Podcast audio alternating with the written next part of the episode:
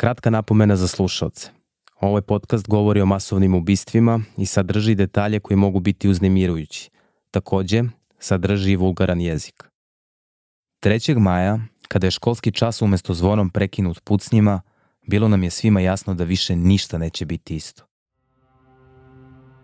Predsednik Republike Srbije, gospodin Aleksandar Vučić. Predsednič, izvolite. Poštovani građani Srbije, drugi put u poslednjih 48 sati moramo da se obratimo Nakon ribnikara, a zatim i malo Goroše i Dubone, sve se odigravalo brzo. Konferencija za konferencijom, odluka za odlukom, mera za merom, izjava za izjavom, neke nepromišljene, neke paušalne, neke zbunjujuće, dramatične, neke preteće. ali ni ti monstrumi neće pobeći. I neće izaći nikad. Neće izaći I nikad. to ljudi u Srbiji treba da Pravde znaju. će biti. Neke neobične, kao što je ona u kojoj predsednik ocenjuje da su roditelji ubici iz ribnikara krem de la krem našeg društva. Reč je o ljudima koji su u svakom smislu bili uzor krem de la krem našeg društva. Mnogo je takvih stvari bilo u medijima tih dana. Srbija je takođe, nažalost, i deo onog sveta u kojem se ovakve stvari sve češće događaju. Evidentan je kancerogen, poguban utica interneta, videoigrica, takozvanih zapadnih vrednosti Nizale su se odluke i mere. Četiri, izvršiti kontrolu rada svih streljana, doneti propise o uslovima i načinu korišćenja streljana, uključujući zabranu neovlašćenog pristupa maloletnim licima. propisivanje krivično pravne odgovornosti za lice koje omogući maloletnim i drugim neovlašćenim licima da dođu u posao patrena. Moj predlog vam je da razmotrite mogućnost snižavanja starosne granice za krivično pravnu odgovornost lica. Oštravanje sankcija za nepoštovanje propisanih obaveza pružalaca medijskih usluga, uključujući Pripremi izmeni i dopune zakona o oružju i municiji. Teško je bilo da se isprati šta se dešava. Kakve su odluke, koje su to mere i da li ćemo zahvaljujući njima da budemo bezbedniji, sigurniji i ko je uopšte odgovoran za ubistva i u kojoj meri i gde su porodice ubijenih u celoj toj priči. mi smo od prvog trenutka shvatili da nam je potrebna neka pomoć, da nam je potrebna neka i psihološka pomoć i da je potrebna neka podrška države, sistema. Ja sam Stefan Marković, ovo su Tragovi. Zao čas. U ovom podcastu govorimo o prvom masovnom ubistvu u jednoj školi u Srbiji i onom koje je usledilo dan kasnije u selima južno od Beograda.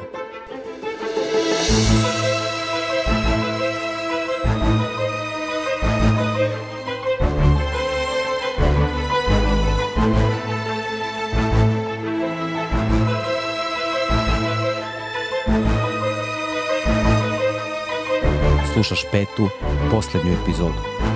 Ožiljci. U ovoj epizodi govorimo o svemu onome što se dešavalo nakon dva masakra koje su do temelja potresli Srbiju. Kakvi su bili potezi vlasti i kako je društvo reagovalo na njih. Koga je pravosuđe označilo kao krivce i da li uopšte u ovim slučajevima može da se očekuje adekvatna pravda. Ali i kako se danas sa gubitkom nose porodice ubijenih, pa i mi kao društvo.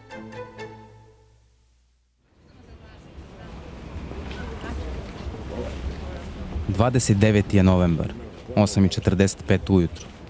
Nalazim se ispred ribnikara, prska ledena kiša na okupljene ljude u zimskim jaknama i vunenim kapama.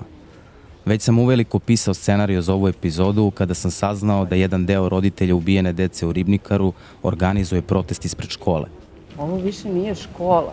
Zgrada u kojoj je ubijeno desetoro duša, ona ne može više da bude škola. Ako ne prepoznaješ glas, ovo je Ninela Radičević, mama Ane Božović, devojčica iz petog razreda koja je 3. maja ubijena dok je dežurala.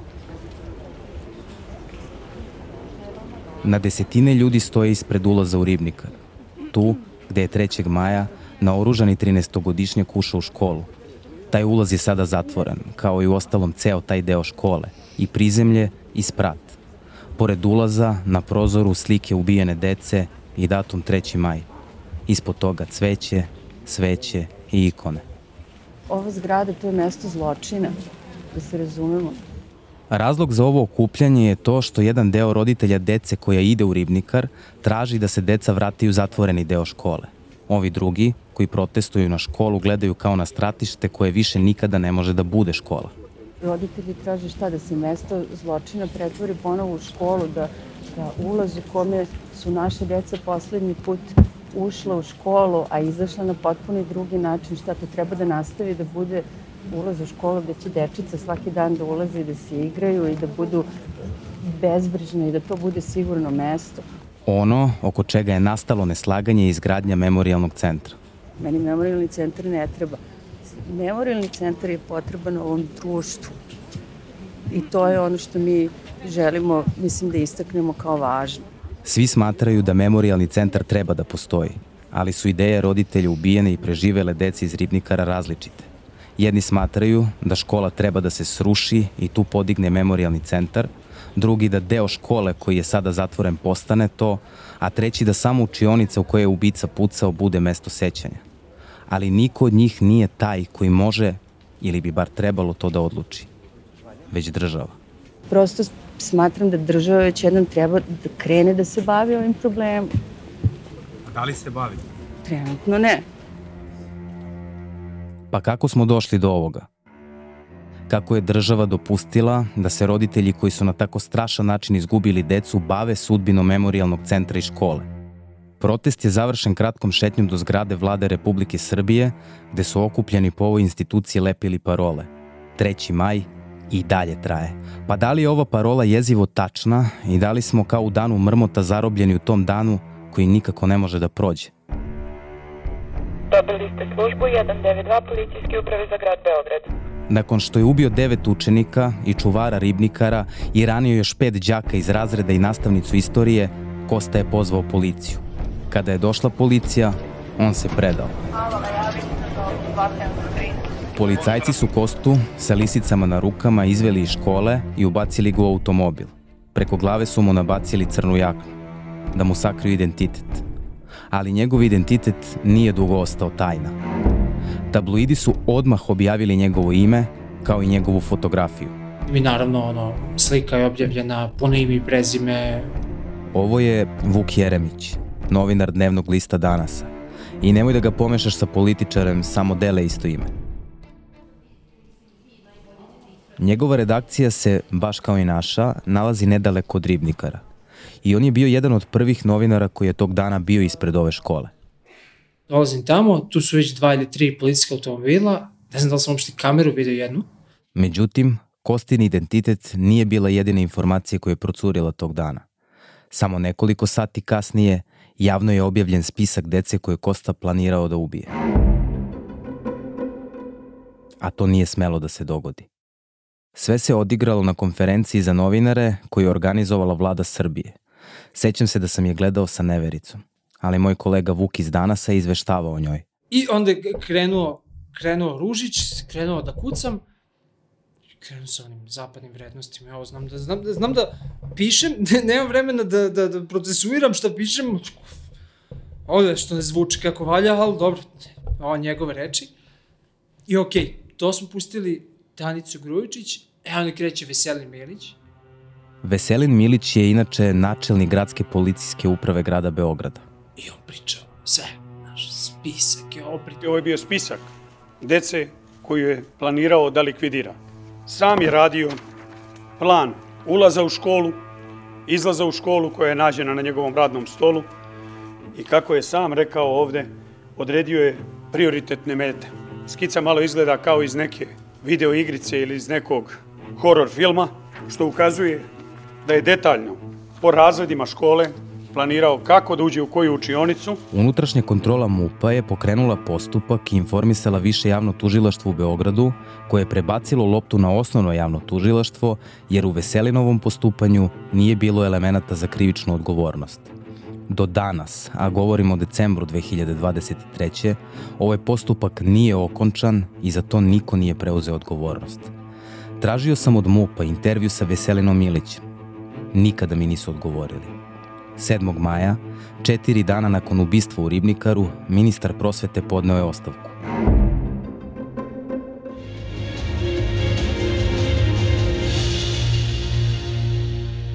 ministar prosvete Branko Ružić podneo je neopozivu ostavku. Ružić je svoju ostavku podnetu predsednici vlade Ani Brnabić... Neki su smatrali da je to prekasno da je trebalo odmah, nakon ubistava, kao simboličan čin da odstupi sa funkcije ministra ministarstva koje je, da kažem, nadležno za škole. Ali ni Ružića nisam uspeo da intervjuišem. Halo, dobar dan gospodine Ružiću, vi ste. Ovde Stefan Marković. Nije želeo da razgovara o ribnikaru. Ovaj, ja, htio sam nešto da, da vas pitam.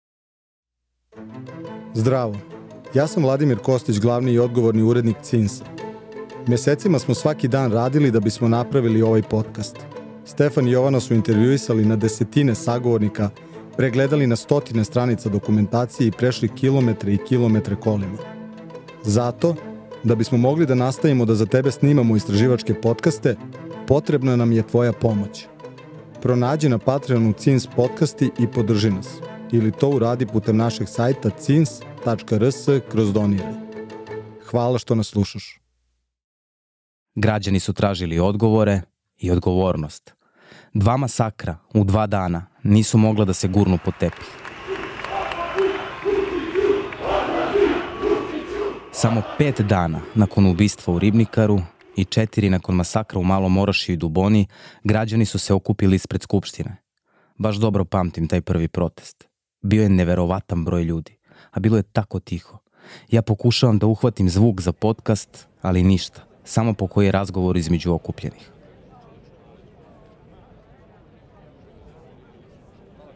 Da li ti zvuči kao da je ovde na desetine hiljada ljudi? Nije bilo parola, nije bilo pištaljki, nije bilo muzike, ničega. Kao novinar sam pratio baš dosta protesta, ali ovako tih nikada. I tako je bilo sve do vlade Republike Srbije gde je kolona završila sa šetnjom.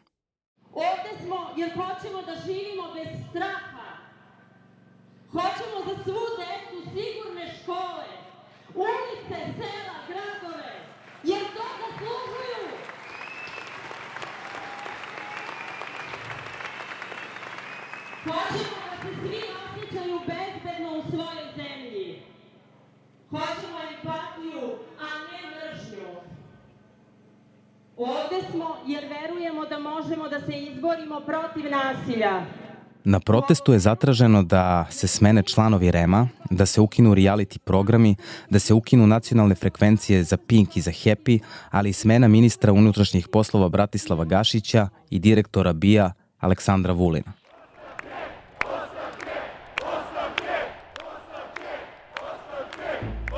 A onda su protesti postajali sve masovniji i sve bučniji i polako su političari iz opozicije počeli da staju na njihovo čelo. Ali vladajuća Srpska napredna stranka nije ostala nema na to. Krajem maja 2023. organizovali su svoj miting, tu na istom mestu, ispred Skupštine.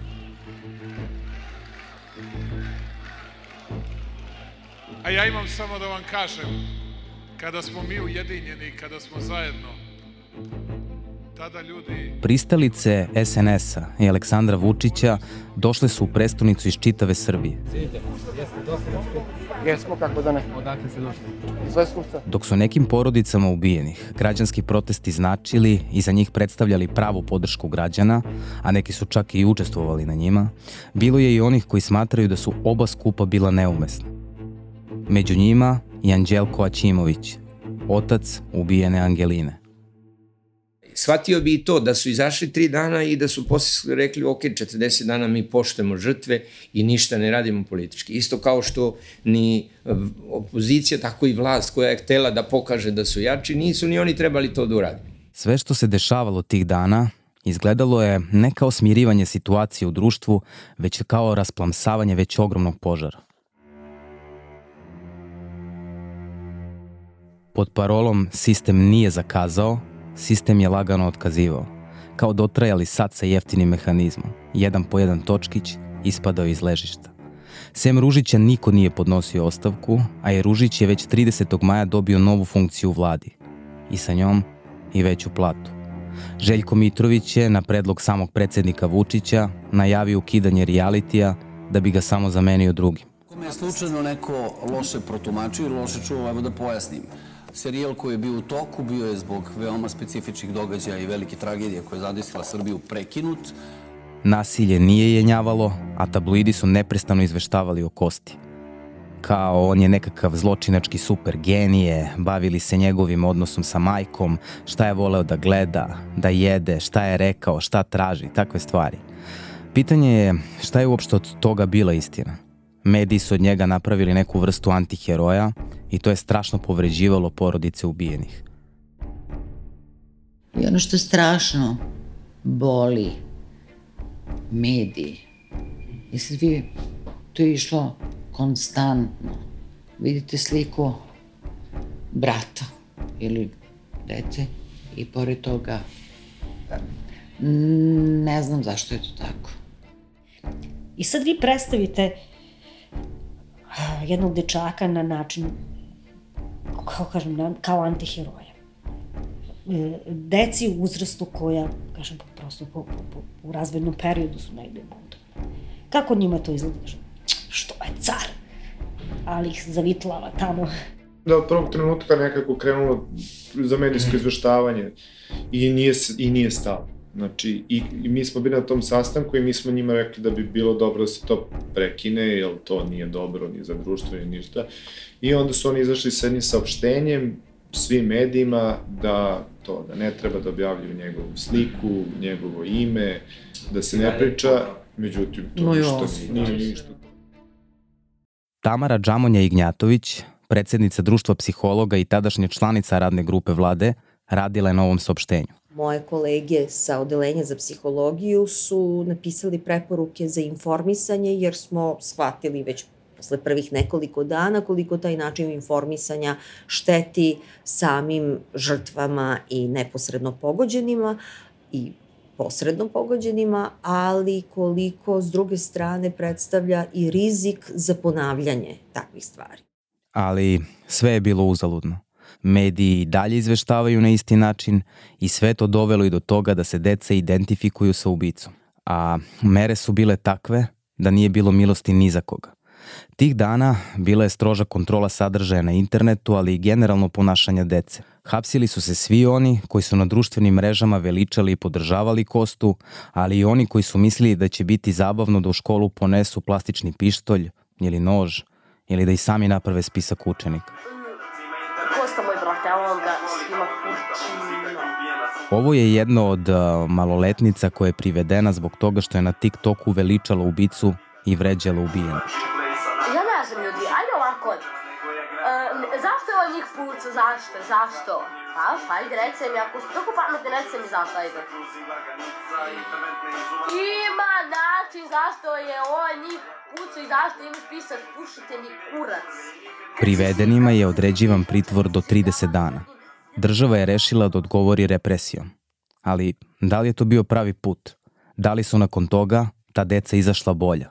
Reakcija je s jedne strane e, bila opravdana da se reaguje tako što se to uopšte ne toleriše. I to je vrlo, bilo vrlo važno da se to ne pusti tako kao nekakav, eto, nepromišljeni nestašluk ili neslana šala i tako dalje. To, to je zaista toliko bilo ovaj, u tom trenutku neprimereno da je dobro da se na to reagovalo ali profesorka Tamara Džamonja Ignjatović smatra da to nije dovoljno, već da je pored, da kažem, zastrašivanja i kažnjavanja, trebalo i da se razgovara sa njima, da im se objasni zašto je to loše. Ta deca je trebalo da budu identifikovana i da se sa njima razgovara.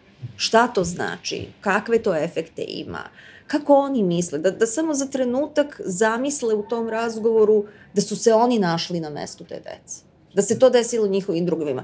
I upravo zbog toga, smatra Tamara, samo pritvor bez dobrog objašnjenja zašto je problematično njihovo ponašanje može da ima čak i kontraefekat kod takvih osoba. Možete čak samo provocirati kod nje gnev prema tom društvu ovaj, koje na taj način reaguje. Mora da, pri, mislim, kako da kažem, prepozna posledice svog delovanja i da preuzme odgovornost. E onda smo uradili dobru stvar. Što nismo tolerisali, ali smo pomogli toj osobi da razume to. Ali Da li je sve to urodilo plodom? Pet meseci kasnije, novi zločin. 13-godišnji dečak je ubijen u tuči maloletnika jutros u Niškoj banji i potvrđeno je za N1 u hitnoj pomoći u Nišu. Tuča se, kako saznajemo, dogodila jutros oko 11 sati u Niškoj Samo banji. dan kasnije, u Novom Sadu je devojčica od takođe 13 godina nožem izbola svoju drugaricu iz škole.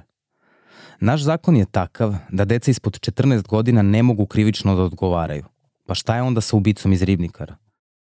Nakon nešto više od pet meseci od masakra u Ribnikaru, glavni tužilac Višeg javnog tužilaštva u Beogradu Nenad Stefanović organizovao je konferenciju za novinare. Poštovani predstavnici medija, dobrodošli u Više javno tužilaštvo u Beogradu. Nakon pet meseci istrage, optužnica u vezi sa zločinom u Ribnikaru je podignuta. Ali ne protiv ubice. On, kao dete od 13 godina, odmah je oslobođen krivice. To znači da ne može u zatvor. Smešten je u psihijatrijsku ustanovu i njegova budućnost je u ovom trenutku nepoznata. Danas je, nakon nešto više od pet meseci sveobuhvatne istrage, Više javno tužilaštvo u Beogradu podiglo optužnicu protiv Vladimira Kecmanovića, oca deteta koje je 3. maja 2023. godine u osnovnoj školi Vladislav Ribnikar lišilo života 10 osoba, od čega devetoro dece Optužnica je podignuta protiv njegovog oca Vladimira zbog sumnje da je pištolje i municiju čuvao u kutijama za prenos oružja spakovane u ranac umesto da ih drži u sefu.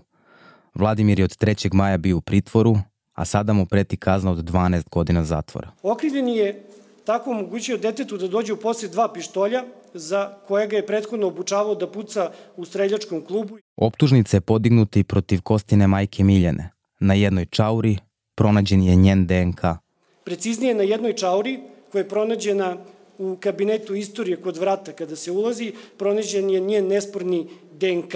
Za nju tužilac traži kaznu od dve i po godine zatvora. Sudit će se instruktoru i predsedniku streljačkog kluba u kojem je Kosta sa ocem pucao. Ali ne zbog toga što je Kosti bilo zabranjeno, već zato što su prema optužnici navodno lažno svedočili da Kosta nije bio njihovoj streljani. Optužnica je ubrzo potvrđena i na višem sudu. U trenutku dok pišem scenariju za ovu epizodu, suđenje još nije zakazano. Pored tog krivičnog postupka, porodice ubijenih u Ribnikaru vodi parnični postupak protiv Kecmanovića. Jedna od tih porodica i porodica Čikić. Sada traju dva procesa. Jedan je onaj sudski proces koji se vodi, no, mislim, to jest Krivični. koji treba, da, tako, krivični proces koji treba sada da dobije i da kažem sudski epilog, da krene suđenje. O, drugi je parnični postupak. Šta je na kraju pravda za vas? Jel postoji nekakva pravda? Što znači pravda? To je Nama ništa neće vratiti Andriju. U tom kontekstu. Znači, a kad kažete pravda, šta, meni treba neka vrsta osvete, šta? Ne. Ali ne možemo ni da pošaljemo poruku da, Da u ovom ili bilo kom društvu ljudi mogu da rade šta god hoće. I da prođu nekažnjeno. Da mogu da uništavaju tuđe živote. I da se izvuku s tim. Da se izvuku s tim. Sve što traži je odgovornost, da se pokaže da ovakav strašan zločin ne može da prođe nekažnjeno. Smo imali dete kad sam, ko, ko, koje samo poželite. Zdravo, ja sam Andrija Čekić. Imam 11 godina i završio sam... Mi smo bili srećni s njim. Mi nemamo više dece. Znaете kakav je to život? Ništa njega neće vratiti. Ali, zamislite da ostanete s tim da niko nije odgovoran. Niko nije odgovoran. Da može da se to radi tako.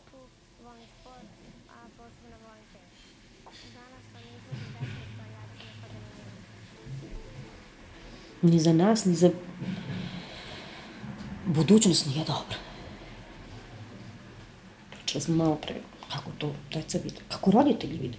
Mislim, i roditeljima mora da se stavi na teret odgovornost. Da i oni znaju, ne može da, ono, ko moje dete radi šta god hoće i kao, Tu je Ministarstvo zdravlja potencijalno pronašlo rešenje. Predložilo je izmenu zakona o zaštiti lica sa mentalnim smetnjama, prema kojem bi deca, kao što je Kosta, koja ne mogu krivično da se gone, mogla da budu praktično na neodređeno smeštene ustanove za mentalno zdravlje. Imali bi veštačenje na šest meseci i onda bi se njihovo zatočeništvo u psihijatrijskim ustanovama po potrebi produžavalo. Nekoliko nevladinih organizacija za ljudska prava negoduje zbog ovakvog predloga. Smatraju da se time dehumanizuju deca. Sa druge strane, roditelji ubijene dece iz ribnikara, koji na neki način i učestvuju u izmeni ovog zakona, smatraju da je to jedino ispravno rešenje. Pa znate šta, To su izmene zakona. to su izmene zakona i ta izmena zakona a, pre- a, predviđa da se za maloletnike ispod 14 godina sa, u slučaju teškog krivičnog dela Za koje inače za preko koje 10 inače godina, nešto strašno da, a, biti. da se oni da se oni a, smeste u mentalnu instituciju bez ograničenog vremenskog roka i da se radi evaluacija na šest meseci. Dakle, ono što Čaršija sad a, a, interpretira da mi sad hoćemo sve, svu decu ispod 14 godina da strpamo u zatvor, to nije tačno. Dakle, jer vama ovde zakon ne predviđa šta da uradite u ovakvim slučajevima. Kada maloletnik ispred 14 godina uradi bilo, kri, bilo koje krivično delo, šta to znači? Može da ode, izađe i ode kući i uradi to opet sutra i nikom Da. ništa. Je li to poruka koju treba da šaljemo? Mislim, znate šta, ovaj, ono što kaže mi, nismo, to je, ovaj, prosto, nema slučaj, nama je u interesu da on nikad Da. ne izađe. Pa ne nama, mi društvu je u interesu. Mislim, ne, Da li znaš kako i na šta se troše tvoje pare? Otkri to u našem drugom podcastu Glasna žica. Pronađi ga na našem sajtu ili na platformama na kojima slušaš podcaste. Predsednik je obećao da ni Kosta ni Uroš neće nikada biti slobodni. Ali ni ti monstrumi neće pobeći nigde. I neće izaći nikada. Neće izaći nikada. I to ljudi u Srbiji treba da znaju. Pravde će biti. Ni onaj mali monstrum, ni ovaj nešto veći monstrum. ali u praksi, pa nije baš tako. Sredinom oktobra podignuta je optužnica i protiv Uroša Blažića. I tu postoji problem koji je šokirao porodice ubijenih u Malom Orašiju i Duboni. Juče je podignuta optužnica. Videli smo. Videli smo i svi smo loše kad smo videli da maksimalna kazna 20 godina. Mislim, svakako. Šta reći? 20 godina.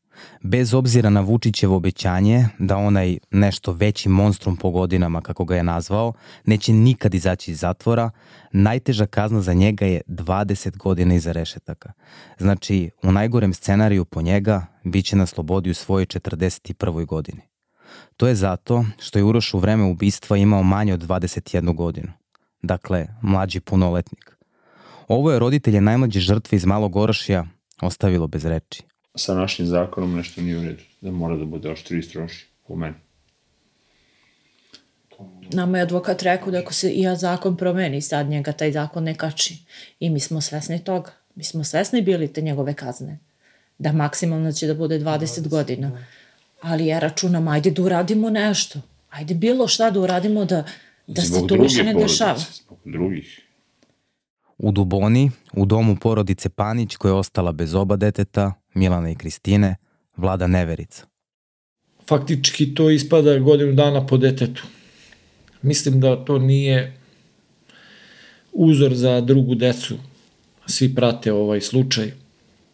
Kad budu vidjeli da je takva mala kazna, verovatno će neko da pokuša da uradi takvo nešto opet, jer ništa to nije neka drastična kazna za njega. Devet ljudi ubio, 12 osakatio za ceo život, da budu invalidi. Iskreno, meni, meni nije dovoljno 20 godina, meni nije dovoljno ni doživotna za njega, ali 20 godina je stvarno malo. Na kraju dana, porodice ubijenih u Ribnikaru, kao i one u Malom Orašiju i Duboni, manje više su ostavljene same sebi. Ono što jeste bilo konkretno, ubijenima u Ribnikaru grad je platio sahrane. Porodice je zvao tadašnji ministar prosvete Ružić i gradonačelnik Beograda Aleksandar Šapić, koji je želeo da ih poseti. Posle jedno mesec, mesec i po dana je zvala gospođica iz a, kabineta gradonačelnika gde je pitala, eto, nas je pitala da li bi mi bili raspoloženi da gradonačelnik dođe ne, bez medija, bez ičega, onako prosto a, da li da dođe kod nas, hteo je da dođe da nam izjavi saučešće. Ja nekako nisam bila raspoložena za to. Ima roditelja kod kojih je bio, ali kod nas nije bio.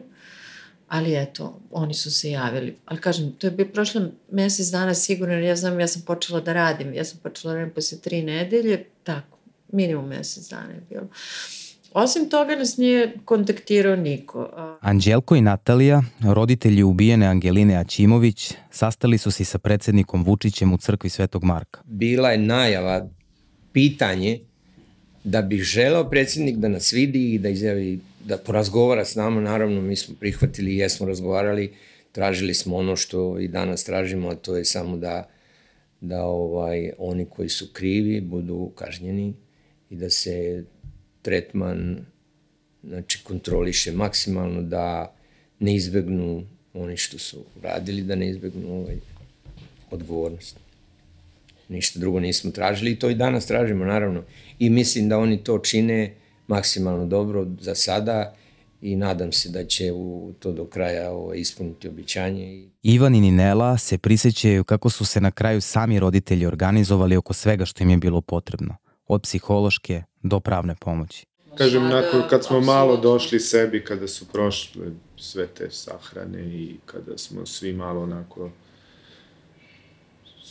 prošao taj prvi šok, mi smo, ovaj, kažem, kontaktirala nas je jedna majka i onda smo se svi zajedno skupili i već smo onda počeli da razgovaramo temu da nam treba advokat, šta da radimo, odmah smo se nekako angažovali i, ovaj, i sećam se da nam neko, mislim da sam čak ja postavio pitanje, jer vas neko zvao, svi su rekli ne. Ne. Znači, sem tog izjavljivanja saučešća i naravno jeste, grad je stvarno pokrio jest, sve te troškove jest, i mi stvarno jeste. tu nismo imali nikakve ono, to, imali smo te stvari da izaberemo, ali nismo imali ništa da, da. sa novcem i to jeste bilo lakšajuće okolnost u tom momentu jer nismo morali o tome da razmišljamo. Da. A, očekivali, jeste očekivali da nas neko zove još? Pa jesmo, jesmo. Jesmo, očekivali smo jer nekako mi smo, bar tako, mi smo prvog trenutka shvatili da nam je potrebna neka pomoć, da nam je potrebna neka i psihološka pomoć i da je potrebna neka podrška države, sistema nekog. Da ne... Sada se sve te porodice nose sa gubicima najbolje što znaju. Ivanu i Nineli, recimo, prija da otputuju iz Beograda. Koriste svaku priliku za to. Ono što ih teši je to što znaju koliko je Ana bila voljena. Mi smo njoj svaki dan govorili, Anče, ti, znaš ti koliko je mi tebe volim. Ti, ko, svaki ti kao dan. mi da, da, da, ja da sam hteo čegu, ja bi baš tako hteo. I to smo svaki dan svaki govorili, dan. stvarno. Znači. Ana je bila baš vesela devojčica. Koliko se prirodnih brojeva nalazi među brojeva crne se... I ono što je meni neka uteha je što ja sam siguran da ona nije znala šta se dešava jer ja sam se čuo s njom 6-7 minuta pre toga i ona je bila sva srećna i nasmejana i kao doći će ta, ona je mene zvala to jutro da donesem pare, ja sam mogu kažem ne mogu da prođem, ali ja sam, takva je bila, kao ma doneću ti naravno, nisam mogu da odbijem ni što. I išao sam po nju i, i, i znam da, eto, i mislim da on kad je ušao da ona nije bila ni svesna šta se dešava i, i ona je samo zaspala ali teško je pobediti tišinu. Ne čuje se klavir. Ne čuje se kad uđe u kuću. E, da vam ispričam šta je bilo danas. Ćao mama. Da ti ispričam šta je bilo danas. Ili... U našoj kući nikad nije bilo tišina. Nikad. Roditelji Andrije Čikića, Miloš i Suzana, kažu da utehu pronalaze jedno u drugome, ali i uspomenama na svog sina. Ali u nama nema gorčine, nema, nema besa. Nema... To je dobro. Mi nemamo gorčinu. Mi imamo beskrajnu tugu. Andrija nama bio jedino dete. I lepe emocije ve, vezane za pređešan život. Za, za I onda sam ja u momentima kada su porodice naše bile ozbiljno zabrinute za nas i sam rekla, shvatate. Strašno je. Ja još ne mogu da spojim njega. Nema, da je nikad, nikad. Ali ja od ljubavi koje smo mi razmenjivali mogu da živim do naš života.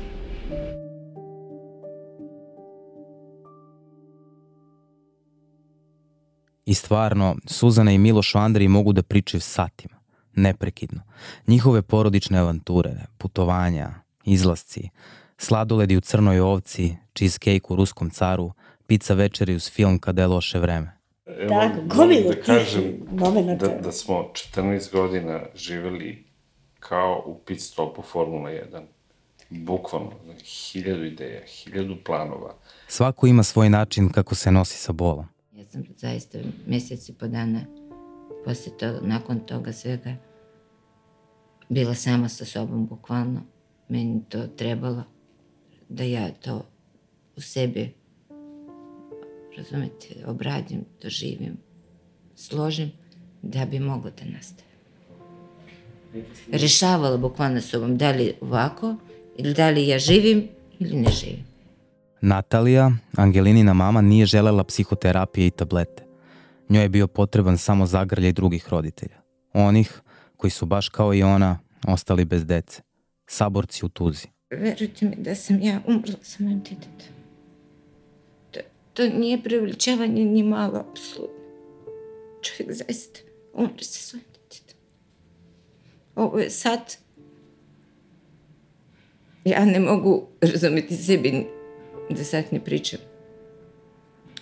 Ali to što je ostalo, što je ostalo i to više nije život.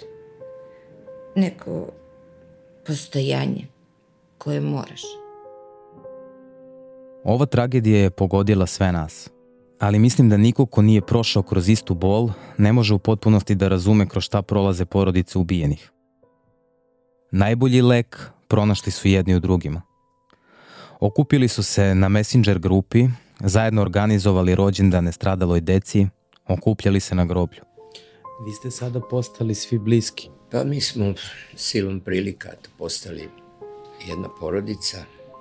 Naravno da i u jednoj porodici pravoj ne možete se slagati sa svima. Tako i mi, naravno, imamo svi neke svoje prošle živote i gledanja na svet i na sve što se oko nas dešava i nismo jednaki, ali jedni s drugima se osjećamo, razumemo zašto onaj drugi ne misli kao ti, ali eto, živimo zajedno. A onda su u oktobru porodice ubijenih u Ribnikaru organizovale susret sa onima koji dele sličnu sudbinu, sa roditeljima ubijenih u Malom Orašiju i Duboni. Sestra ubijenog čuvara škole Dragana kaže da je za nju to bilo jako emotivno iskustvo. Ne znam, još uvijek sam pod utiskom svega. Znate, na moment, pa to, pa to ne možete da zamislite ni u najgorim filmovima. Radni ljudi, vredni, vi vidite da su to poštene familije. Znate, to su deca 19, 20, 22 godine. A, neki su završili škole u Beogradu i nisu ostali u Beogradu. Oni su se vratili. Mm. Radni, vredni, predani. Sve što smo mogli da čujemo, to su deca za primer, deca, mladići. Gde ste, gde ste se vi sastali?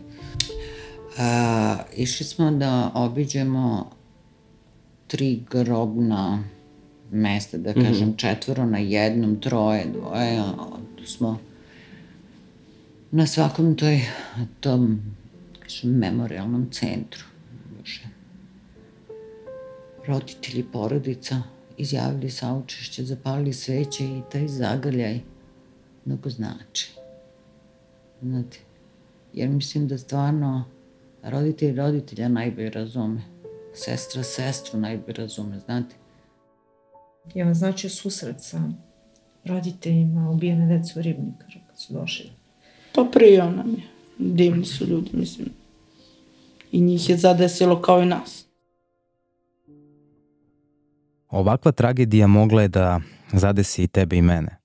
I svaki put kada pomislim na to, bukvalno se naježim. Pa čak i ako se možda tebi i meni nije desila tragedija direktno, i mi smo deo nje.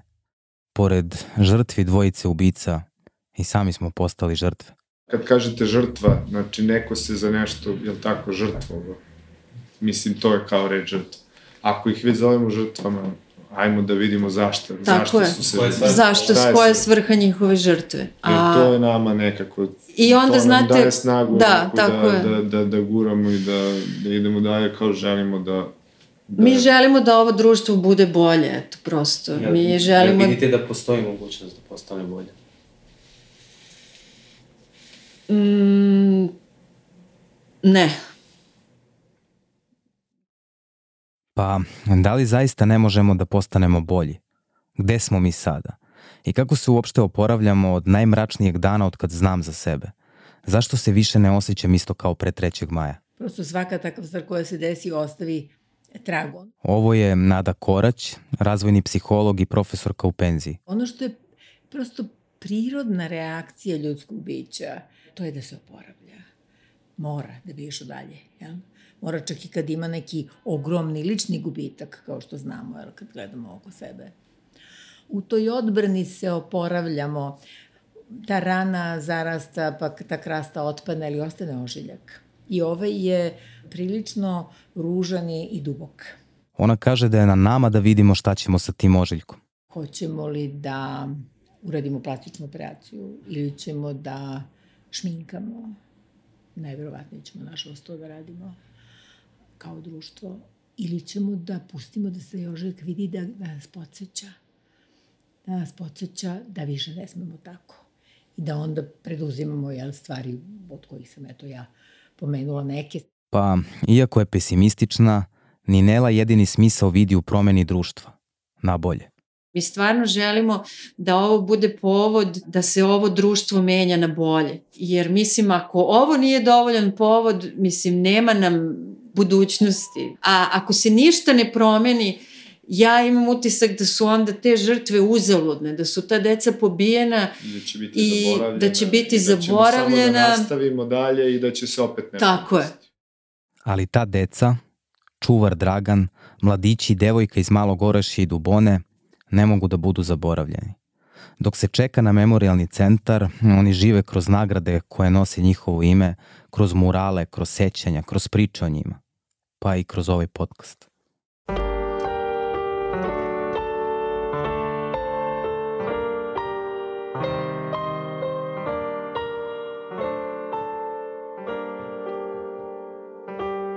Ovo što čuješ svira Andrija Čikić. To je njegova kompozicija. Zove se Emocije. Jer na kraju dana to je ono što nam ostaje. Uspomena i emocije.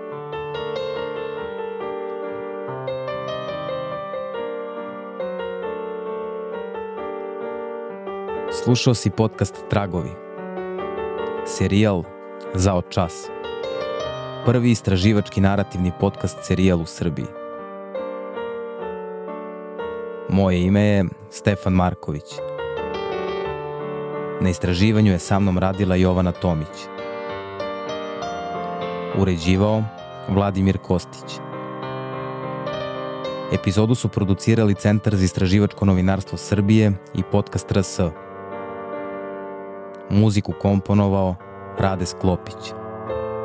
Obrada i dizajn zvuka Dejan Tomka. Hvala na slušanju.